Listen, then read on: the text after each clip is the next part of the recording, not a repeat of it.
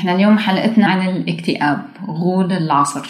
كيف حضرتك فيك تعرفنا عن الاكتئاب أو تعرف لنا الاكتئاب علميا؟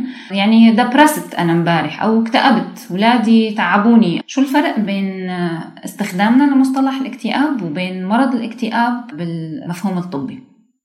الاكتئاب بمنتهى البساطة معناها إن أنا بمر بحالة مزاجية منخفضة.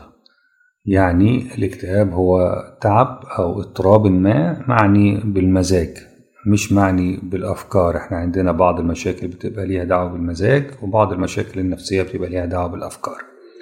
صحيح هما الاتنين بيأثروا على بعض وفي بينهم تداخل وفي بينهم فيدباك لكن بالنهاية المزاج لما بيبقى في أدنى درجاته الإنسان بيحس بالاكتئاب. لكن لازم نميز كويس بين ما يسمى بالأعراض الاكتئابية وما بين اضطراب الاكتئاب أو مرض الاكتئاب. يعني زي ما حضرتك قلتي كده الولاد ضايقوكي أو عصبوكي شوية. غالبا ده بيكون نوع من أنواع الأعراض الاكتئابية شوية بتحسي فيهم إنك أنت خيبوا أملك أو محبطة شوية. فبيكون في نوع من أنواع الضيق والزعل بيستمر لمدة ليلة وخلاص تاني يوم بيروح لحاله أو مجرد ما الولاد يعملوا حاجة كويسة أنت بتنبسطي أو لو جم اعتذروا خلاص الموضوع بينتهي. دي أعراض معينة بنمر بيها لفترات وجيزة وبنمر بيها بفترات ليها دعوة بظروف معينة وخلاص الأمر بيخلص. لكن الاكتئاب نفسه أو السقوط في هوة الاكتئاب ده يتطلب فترة من الزمن. فترة من الزمن فيها الشخص بيبقى مزاجه مكتئب أو مزاجه في أدنى حالاته لفترة طويلة ممكن توصل لشهر شهرين ثلاث شهور ست شهور ولازم يكون بيمر ببعض الأمور التانية مش بس إن المزاج هو اللي, اللي فيه مشكلة لكن أمور تانية في حياته ابتدت تتأثر. يعني مثلا بعض الأنشطة اللي كان بيهتم بيها ما بقيتش تهمه. بعض الأفكار اللي كانت بتيجي في دماغه لأمور كان مثلا بيفكر إن هو يحققها في المستقبل. بيبطل إن هو يفكر فيها وبيبطل إن هو يحلم بيها.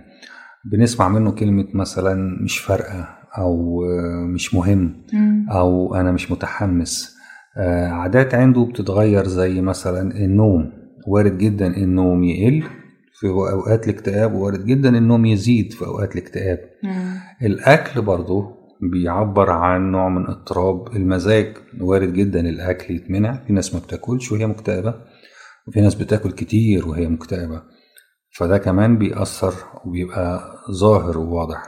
في تغيرات في السلوك في تغيرات في برنامج وعادات اليوم العادية. الكلام ده كله بيدينا مؤشرات إنه الشخص ابتدى يمر بظروف اكتئابية معينة. أحيانا بيبقى الأمر جواه وأحيانا الأمر بيظهر بره بيظهر في كلامه بيظهر في حواراته بيظهر حتى في مظهره الخارجي لو هو أو هي ابتدت تهمل في مظهرها.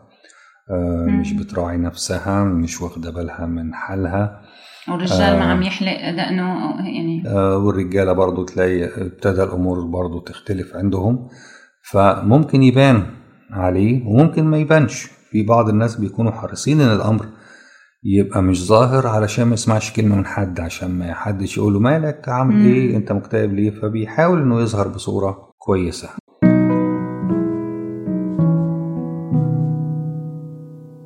الاكتئاب أمر بيبقى مزعج جدا للشخص وبيبقى معني في أوقات كتيرة مش بس بالمشاعر الحزينة لكن في مرات تسمعي كده من المكتئبين إنه المشاعر كلها اختفت هو لا حزين ولا مبسوط مم. هو بيعاني من عدم الإحساس بأي مشاعر هو بقى فلات هو بقى مم. ما بينبسطش وبقى ما بيزعلش مفيش حاجة بتفرحه مفيش حاجة بتزعله وده بيبقى أقصى آه، أنواع الإحساس بمظاهر الاكتئاب على الأشخاص. في بعض الأحيان عدم الإحساس خالص يعني بيبقى بيبقى نوع من التبلد في المشاعر بيبقى درجة متقدمة جدا ودرجة سخيفة لأنه اختفاء المشاعر زي بالظبط اختفاء الإحساس عند أطراف الأصابع أو في الجسم. أمر- الطعم. يعني الواحد مثل لما بي- بيبقى عنده زكام أنا بيقول لك مو حاسس بطعمه الأكل فمو حاسس. بطعم الحياة المكتئب مو حاسس بطعم الحياة نفسها يعني آه لا بالكويس اللي فيها ولا بالوحش حتى اللي فيها مم. أحيانا لما بنحس بالوحش إحنا بناخد خطوة وبنتحرك وبنحسن من موقفنا لكن عدم الإحساس النهائي ده بيعمل نوع من أنواع الجمود مهم. والثبات في المكان اللي بيزود الأمر وبيخلي الأمر أسوأ يعني.